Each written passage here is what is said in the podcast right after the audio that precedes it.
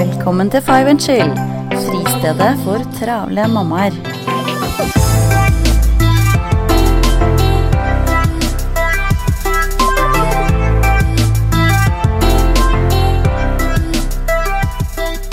Velkommen til en ny episode av Five and Chill. Det her er Janne. Og i dag så har jeg lyst til å snakke litt om tid. Fordi at uh, tid er en sånn ting som vi, veldig mange av oss i hvert fall, føler at vi aldri kan få nok av. Vi har jo fått utdelt like mange timer og minutter hver dag. Man kan ikke spare minutter og timer og ta dem med seg over til neste dag, sjøl om man enkelte dager gjerne skulle ha gjort det, men det går dessverre ikke. Men du kan gjøre noen ting med hvordan du benytter tida di.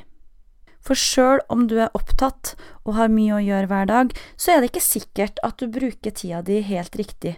Det er ikke nok å bare være opptatt, spørsmålet er hva det er du er opptatt med.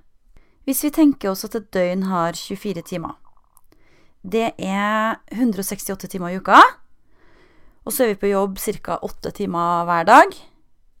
Og så bør vi alle prøve å få oss rundt 8 timer søvn per natt.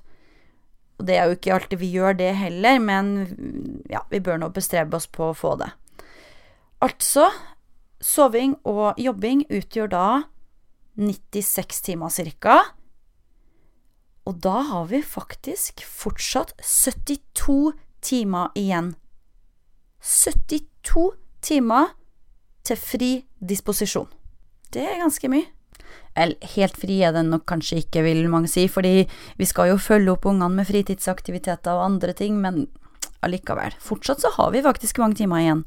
Så hvordan bruker du tida di, og hvordan skal du få skvisa mer ut av den? I dag så har jeg lyst til å dele et tips med deg fra boka mi Bli supereffektiv. Og i dag så tenkte jeg å snakke om tips nummer 18. Tips nummer 18 går ut på nettopp det her med å beregne tida di. For hvor lang tid trenger du på de ulike oppgavene du gjør?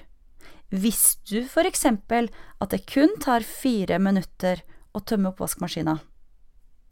Eller at det tar egentlig bare fem–seks minutter å brette en maskin med klesvask?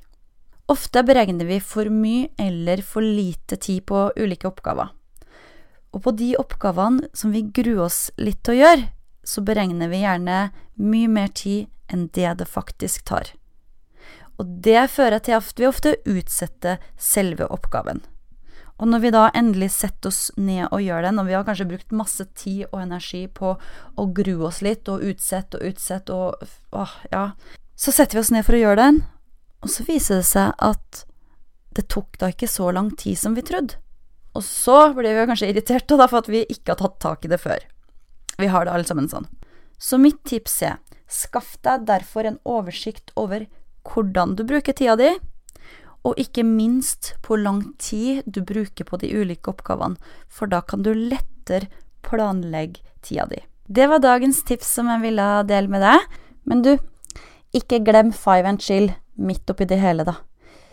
Husk at du ikke skal bare jobbe, jobbe, jobbe, stoppe og stoppe og stoppe.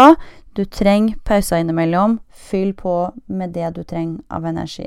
Hør gjerne på de andre episodene som også ligger ute. Du finner dem både på hjemmesida travelmamma.no, men òg eh, inne på iTunes.